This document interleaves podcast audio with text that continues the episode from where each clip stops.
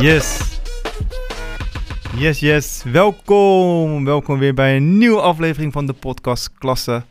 Alles wat met onderwijs te maken heeft en wat erbij hoort, eh, dat bespreken wij. En vandaag zitten wij nog steeds met Karim. Marv is weer eh, aanwezig en mijn naam is eh, Ben Kremers. En we gaan weer vrolijk verder praten, guys. Hey. Yes, yes. Ja, Ja. en als eerste wil ik het hebben even over jouw, jouw loopvermogen. Ah. En jij bent geïnspireerd door jouw broer. ja, dat klopt, ja. Ja. Kan je daar iets over vertellen? Eh, nou ja, dus het begon sowieso überhaupt met dat ik 94 kilo woog. Eh, dat was eh, heel slecht voor mijn knieën. Ik voetbal graag, zaalvoetbal en, en veld. En, en ik merkte dat dat best pittig was. In combinatie met dat ik ging trouwen. en dat ik dacht, nou, dat is misschien wel een goede aanleiding. En qua gezondheid ook wel, hè? want ik dacht al, ja, ik moet echt iets. Ehm, hoe gek het ook klinkt. Mijn broer die zei, eh, eh, en dat, dat, dat weten heel weinig mensen. Hij kreeg een, een, een hersen, een hartinfarct. Kreeg hij. ja. Dat is een hele bijzondere vorm van een, eh, van een infarct. En hij had, kreeg de Takotsubo cardiomyopathie. Dat vergeet ik nooit meer. Wat Dat is, Ja, dat is een, is een, dat, is een, dat is een hartinfarct wat niet een deel van je klep doodt of een deel van je hart de- afsterft, zeg maar. Oké. Het gaat gewoon weer, daarna weer, bam, als een explosie weer open. Ehm, en eh, nou, het, het, het scheelde niet veel en hij redde het niet. Oké. Hij moest helemaal Heftig. weer opnieuw leren kijken op afstand, zijn lichaam gebruiken. Ehm, eh, een deel van zijn lichaam werkte wel goed, een deel van zijn lichaam werkte niet goed. En dat zorgt, hij was echt een talent op het gebied van voetbal. Echt een talent op het Waar heeft gebied hij van voetbal. gevoetbald? Eerst bij Sokkerboys heel lang. Ja. Eh, daarna bij Nooddorp, hoofdklasse gevoetbald. En eh, nou, talent. En Positie? eh, middenvelder. Nice, Ja, spelverdeler, Ja, dat, dat voetballetje dus, ja. En eh, ja, echt talent. Harde werker ook. En toen op een gegeven moment ging dat fout, dus dat kon niet meer. Mhm. Ehm, en alternatief was hardlopen. En dat, op een gegeven moment ontdekte hij dat hij daar heel goed in was. Marathons lopen in hele goede tijden. En hij werd er heel gelukkig van. En hij praatte mij aan van, ja, je moet het ook gaan doen. En echt, ik dacht echt, heeft hij het over hardlopen? Even serieus. Waarom? De meest saaie Wat is sporten die er bestaat. ja, ja. ja. En eh, toen zei hij, doe het nou maar gewoon. En schrijf je in voor de marathon. Ik eh, help je wel met de planning en dat soort dingen. Nou, en ik begon. En saai, jongen. Ja. Drie kilometer saai, vier saai. Toen dacht ik, ja, ik moet het wel leuker maken. Dus ik op internet zoeken en hij mij tips geven. Goede playlist erbij, goed eten. Verwen jezelf met mooie kleren. Ja. Dat denk je niet aan, hè? Tijdens het hardlopen, Tijdens, voor, voor je- je, hardloopkleding. moet mooie hardloopkleding Ja? hebben. Waar je trots op bent, die je leuk vindt staan, wat lekker zit. Gewoon, je verwen jezelf. Ga naar mooie plekken om hard te lopen. Pak je auto, ga soms naar, ga naar de Maas of zo. Ga, ga lekker langs de Maas lopen. En pak alleen meewind. En pak dan terug een, een, een scootertje, weet je wel. Of, of het openbaar vervoer. Je moet jezelf echt verwennen. En toen ik dat ging doen, dacht ik, wow, dit is zo lekker. Dopamine ging aan. Hè? Dus Ja, ja. je maakt dopamine aan als je steeds meer kilometers pakt. En op een gegeven moment... En nu is het mij zo erg dat, ik geen, dat er geen dag voorbij gaat... dat ik niet hardloop. Elke dag. En Ja. soms moet ik mezelf remmen, want dat is ook niet goed, hè? Soms moet ik mezelf remmen. En wat gebeurt er? het is echt het is niet normaal. Ja. Als mensen zeggen, ik wil stappen maken in mijn leven.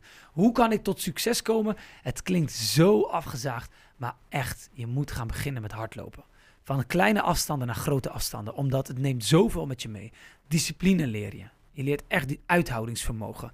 Je gaat alles filosoferen in je hoofd. Je gaat ook echt over kansen. Je, maakt iets mee en je gaat filosoferen. Wat heb ik nou meegemaakt? Wat heb ik nou gezegd? Wat heb ik nou gehoord?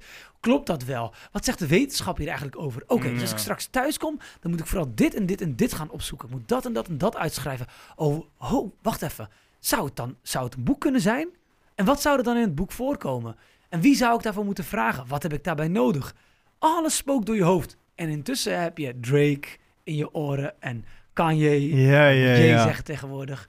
Uh, maar ook uh, uh, Happy Hardcore, Headhunters, D-Block en Stefan.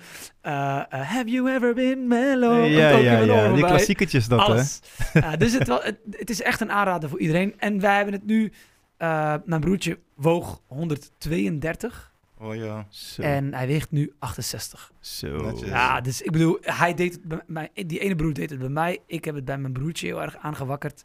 Ehm, eh, en we moeten elkaar zo op die manier inspireren. Ja, nice. Ik ben tegen you this, man. Want eh, deze man wil gaan sporten. En ik ben eh, een soort van fanatieke... Ik, ik ben altijd in de gym en ik probeer mijn, mijn conditie op peil te houden door middel van eh, inderdaad lopen en cardio.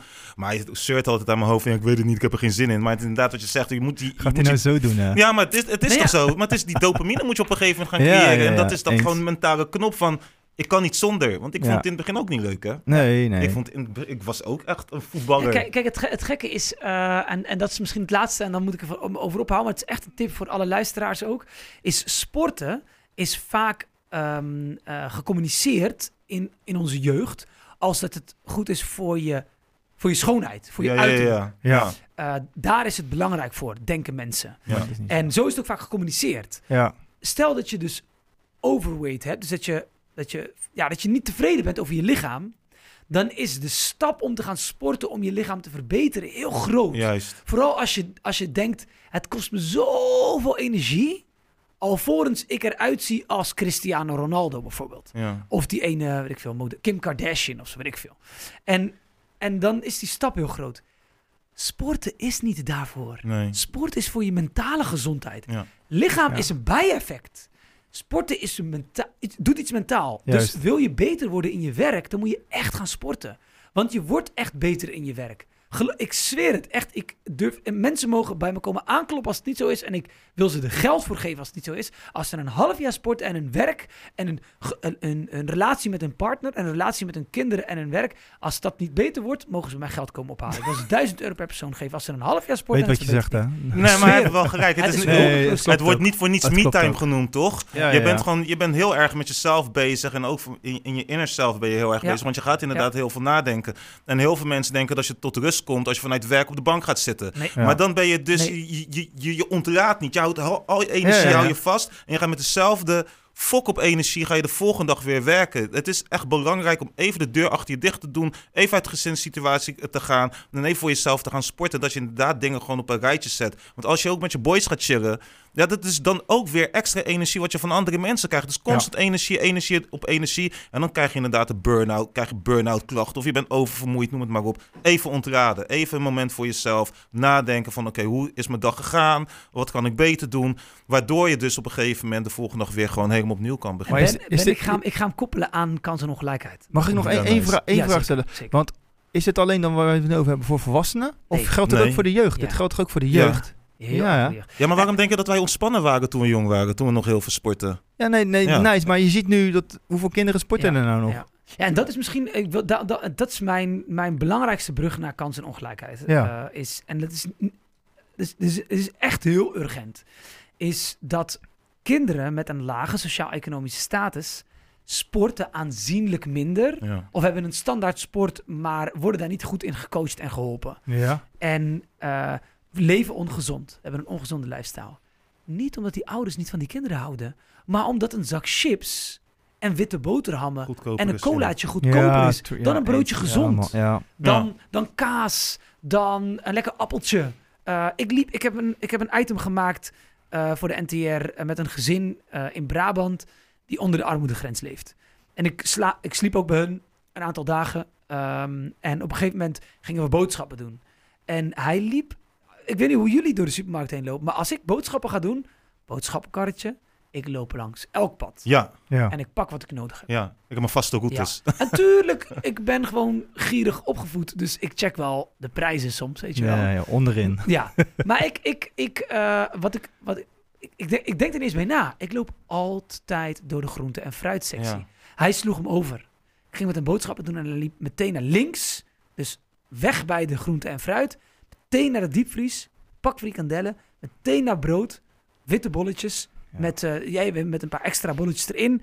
En meteen naar de kassa. Crazy, ja. Ja, en wat ik daarmee wil zeggen is, ik vroeg aan hem, waarom pak je, pak je er niet wat appeltjes bij? Zei ik zo tegen hem. Toen zei die Karim, met, eh, met een soort, met toch een soort ehm, hesitation in zijn stem, zei hij, het is of een pak frikandellen waar ik een week we- mee kan leven, Ja. of een zak appels die in een dag op is bij ons. Mhm. Eh, en die appels, die, die vinden we zo lekker, maar we kunnen dat niet. Dus die, die kleine gaat ook naar school zonder fruit.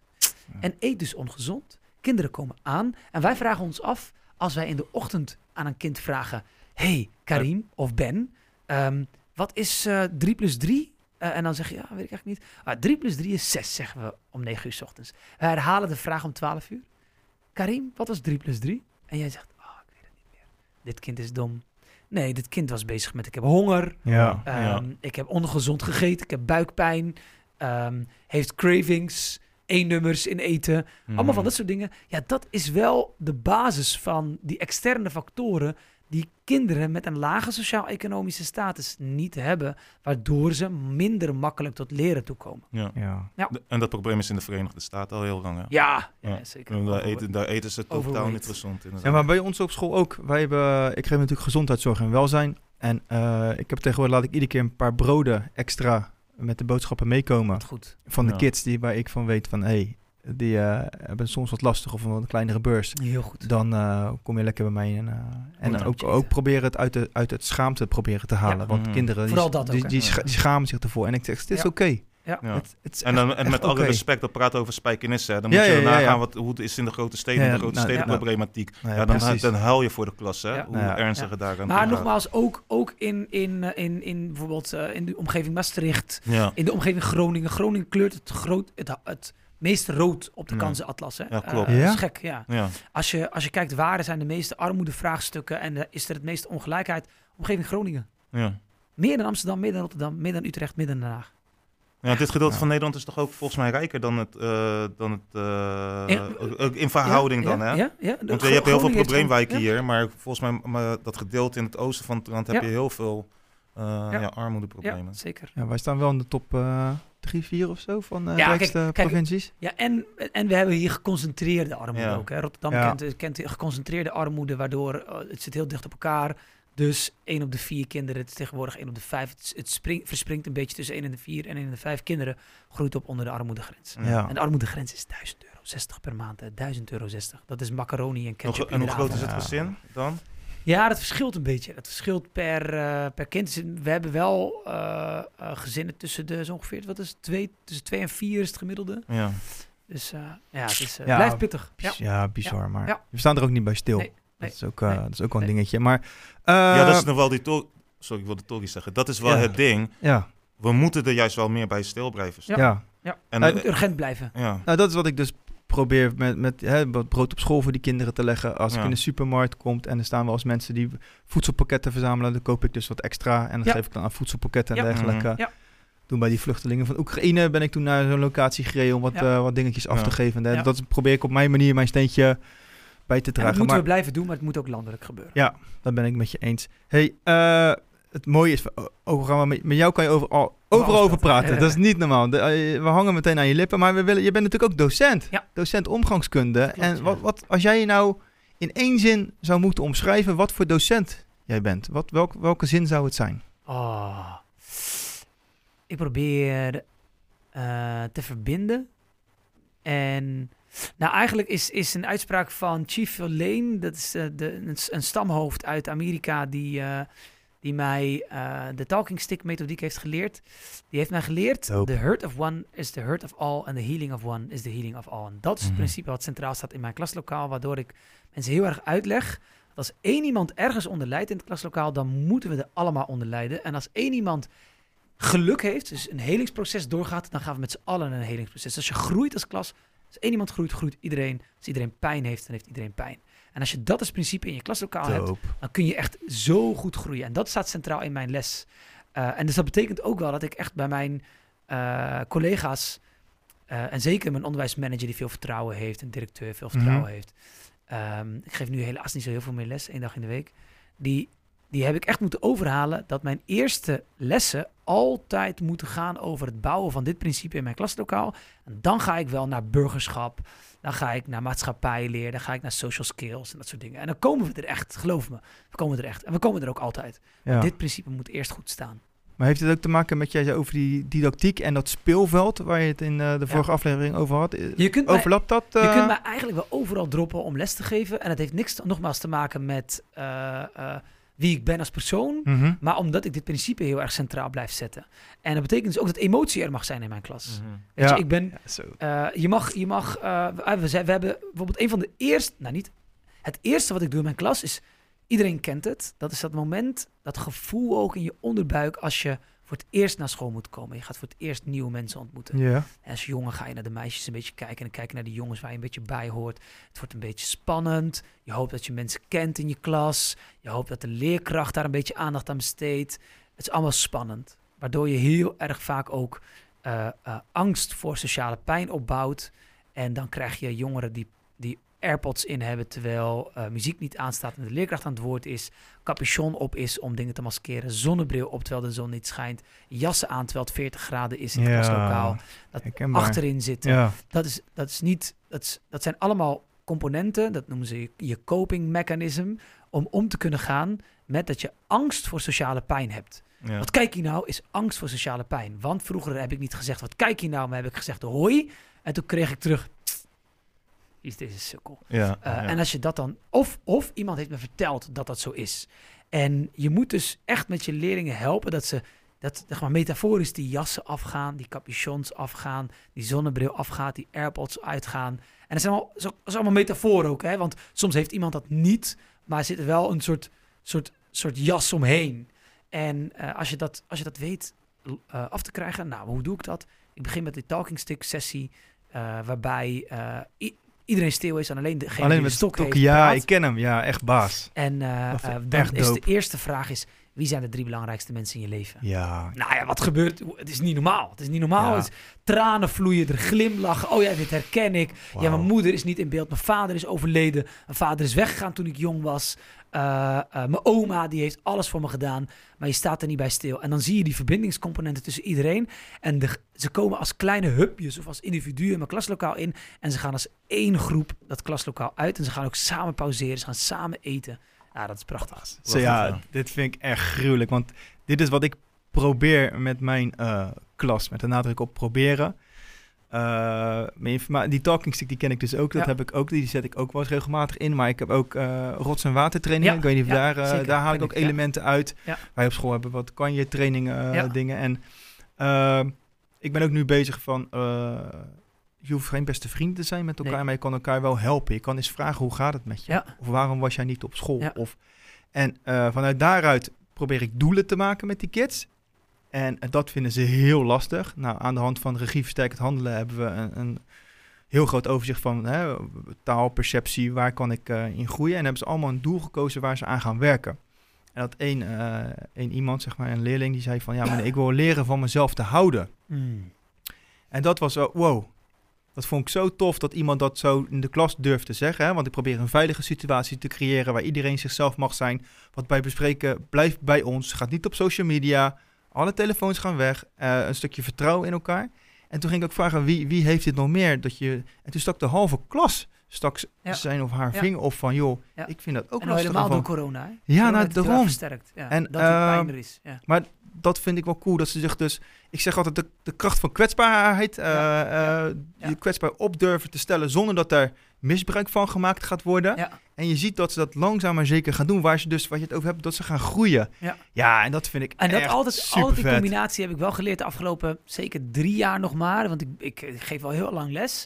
Maar de afgelopen drie jaar heb ik wel geleerd. En ook empower. Dus kwetsbaarheid durven tonen en empower. Ja, Weet je ja. wel? Dat je naar buiten toe kunt lopen met je schouders naar achter, met je kin omhoog.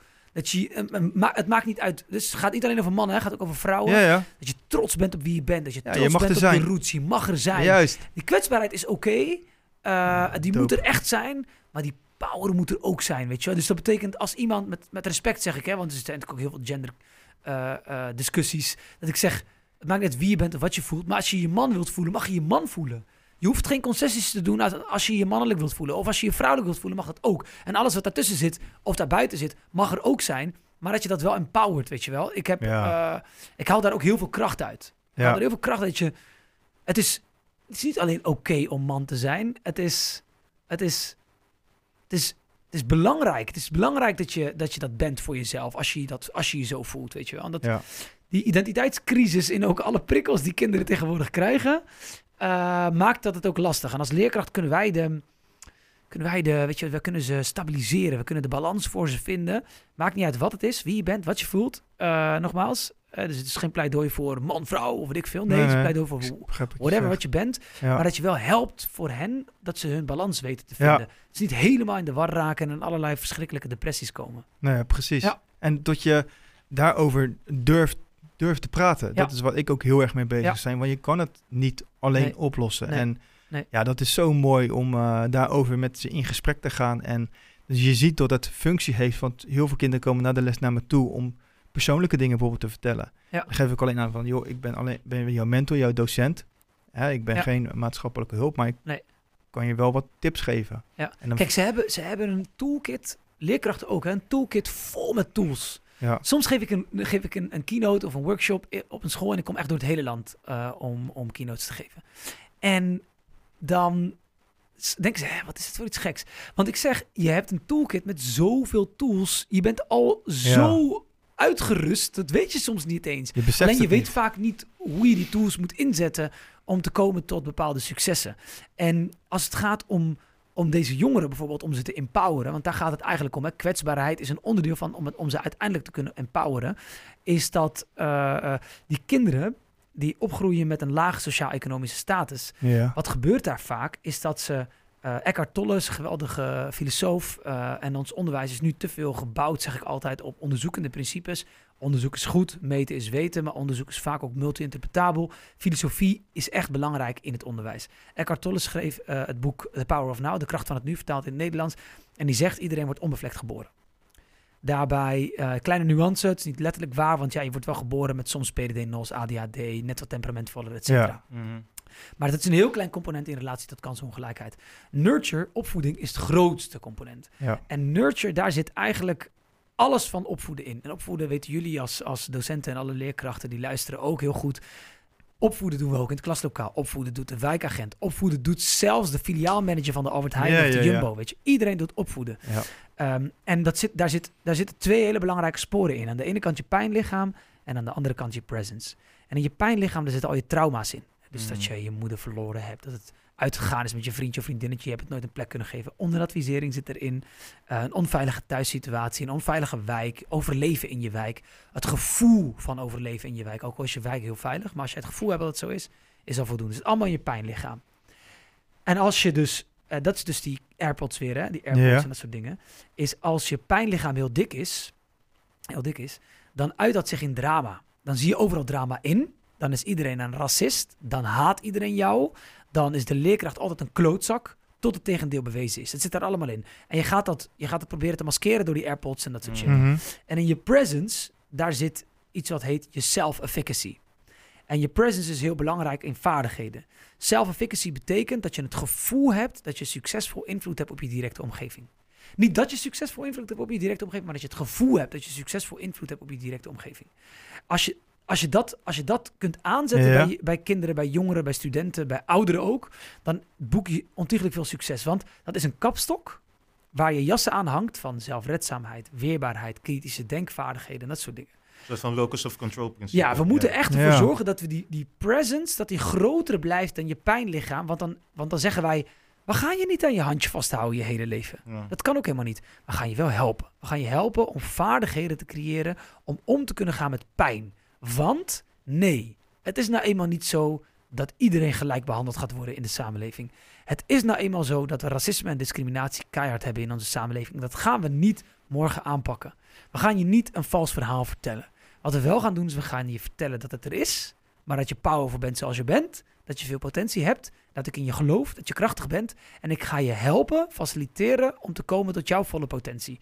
En dat is wat we moeten doen en daar moeten we proberen te zorgen dat we het puzzelstukje om dat kind compleet kunnen maken.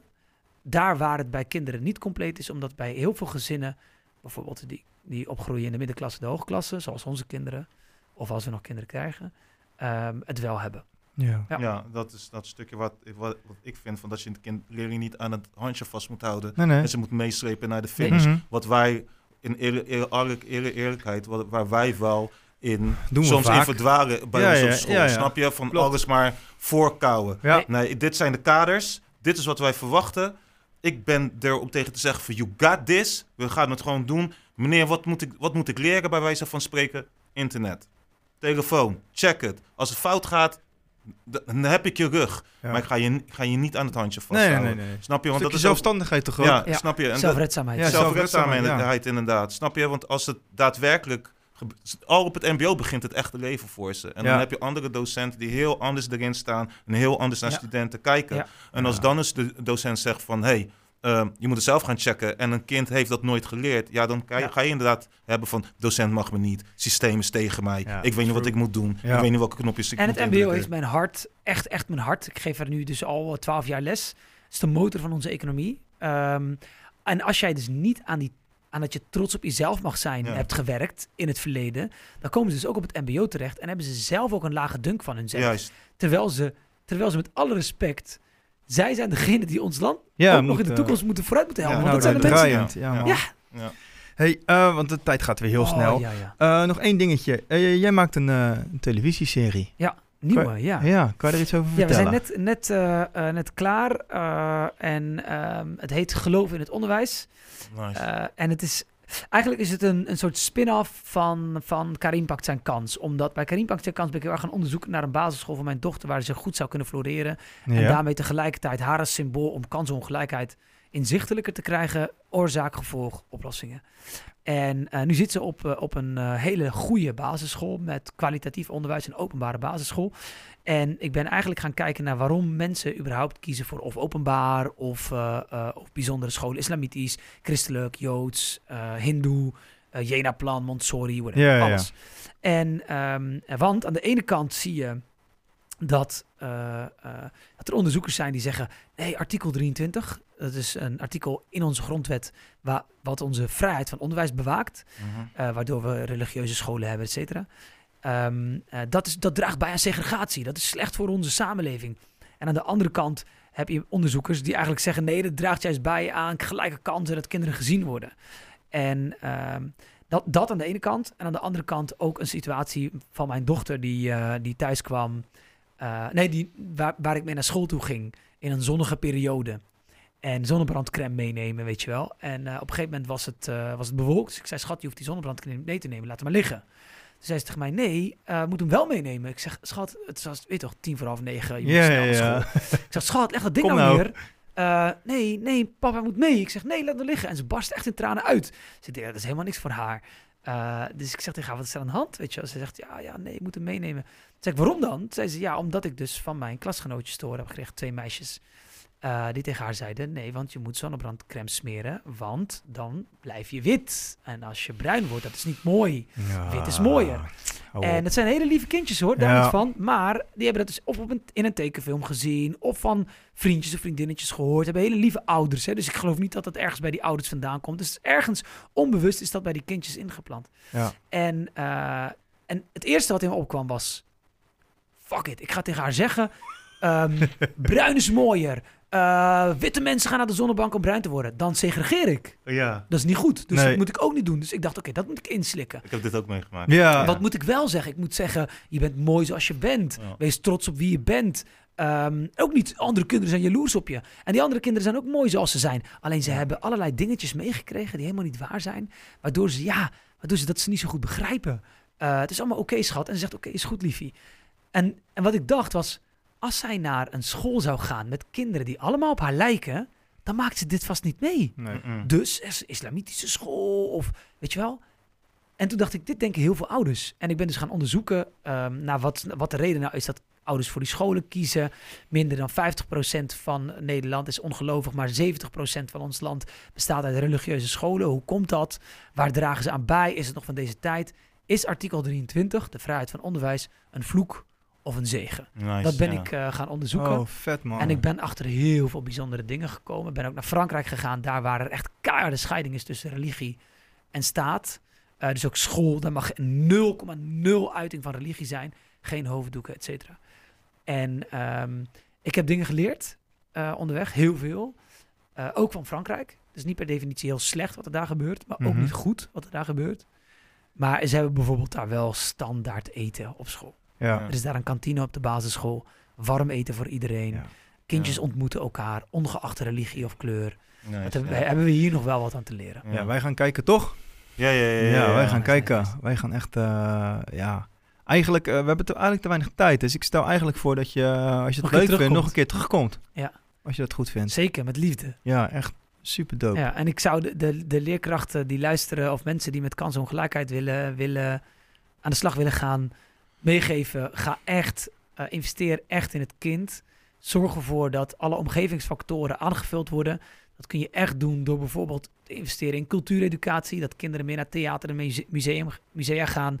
Maar ook in het gebouw. En nee, het gaat niet alleen maar over Van Gogh en Rijksmuseum en dat soort shit. Wat ook belangrijk is, maar het gaat met name over spoken word, poëzie, Ja. dialoog, rap. Het gaat over dingen die heel dicht bij ze staan. Juist. Dat zorgt ervoor dat ze hun emotie kunnen uiten op een manier die voor hun prettig is. Investeer in ouderbetrokkenheid 2.0. Dat betekent dat ouders die nu naar school gehaald worden alleen om te praten over het succes of het falen van het kind, dat je de ouders naar school toe haalt om te vragen of zij iets vanuit hun kracht jou kunnen meegeven. Dus vraag ze om bijvoorbeeld traditionele gerechten te maken. Vraag ze om Mooi. bijvoorbeeld bepaalde vaardigheden uit hun cultuur aan je te leren. Dan komen ze in hun kracht en vraag ze dan pas hoe het gaat met het kind. Anders komen ouders heel vaak of naar school in een soort defensieve houding. Ehm, eh, investeer in, in, in verbinding tussen school, politie, jongerenwerk in vredestijd en niet pas als het slecht gaat. Ehm, Ja. Al met al zorg ervoor dat ze vaardigheden leren waar ze wat aan hebben. Door hoge verwachtingen te hebben, maar ze niet zielig te vinden. Ja. Nice man. ja. Ja, super dope. Ik, eh, ik vond het een eer dat je hier was. En ik eh, praat namens ons allebei, neem ik aan. En Nee, ja. Ja, ik ga, ja, ik ga er gewoon vanuit. Nee, maar je was, je was stil en dan zie ik je, zo hoor ik, dan zie ik je dat je aan het luisteren bent, dat je het tot je neemt en dergelijke, Morf. Dus dat, ja, nee, ik herken heel veel dingen. Ja, Snap je? En ehm, waarom ik nu wat stiller ben, is dat ik, dat ik niet met hem een bepaalde kant op straal. Want ik ben hier ook echt eh, gehard in, in mijn mening. Mhm. En eh, eh, ik denk op een bepaalde manier over. Nice. En ook wat hij net ik. vertelde over zijn kind, heb ik ook meegemaakt. Ja. dan kan ik mee gaan praten, maar dan schieten we een bepaalde kant op. En dan, Ja. snap je? Ja. Maar ik sta, ik sta volledig achter wat hij zegt. ja. En misschien moet ik ook een keer gaan investeren in een onderzoek en eh, dingetjes gaan schrijven. Zeker. Snap je wat ik bedoel? Zeker. waarom niet? Ja. En ik, dat is misschien nog wel het allerbelangrijkste, is die lage verwachtingen hebben wij ook van onszelf. Hè? ja. Is eh, toen ik voor het eerst aan mijn eerste artikelen en, en mijn eerste boek ging beginnen, toen zei iedereen in mijn omgeving, jij een boek schrijven? Ja. Met alle respect, Karim, dat is niet voor iedereen weggelegd. Zelfs mensen die heel veel van me houden, Ja. zeggen tegen mij, ja, het is allemaal waste of time, weet je. Wie ja. wil dit Maar je uitgeven? hebt het toch gedaan. Toen heb ik een boek geschreven. Het heeft anderhalf jaar op de pla- plank gelegen uit onzekerheid naar een uitgeverij te sturen. ja. Toen kwam ik een uitgever tegen in een ontmoeting met de koning en koningin. Nou, dat is nogal wat. Baas. En die, die uitgever, die, die sprak ik en die zei toen tegen mij... Stuur het even naar me op, wat is nou voor iets geks? Ja. En de week daarna zei hij tegen mij, dit gaan we uitgeven. Weet je, dus met, wat ik wil zeggen is...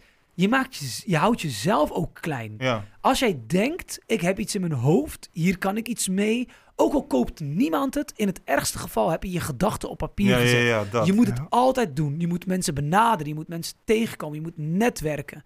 Je moet alles doen. Je moet freaking hoge verwachtingen hebben van jezelf. Wat, wat, nou en als het niet uitgegeven wordt? Nou en als niemand het wil lezen? Dan heb je toch, nou, ik veel, weet je. Ra Kom op. aanvul, aanvul, aan- raadste aanvulling, want ik- wat, wat bij mij die trigger is ontstaan. Ik, heb het, ik zit al heel lang in het onderwijs Mhm. en ik heb wel een bepaalde mening, maar ik ging mee met, met de stroming, om het zo te zeggen. Dus Ja. ik, ehm, ehm, ik vond van, iets van dingen, maar ik liet het voor wat het was.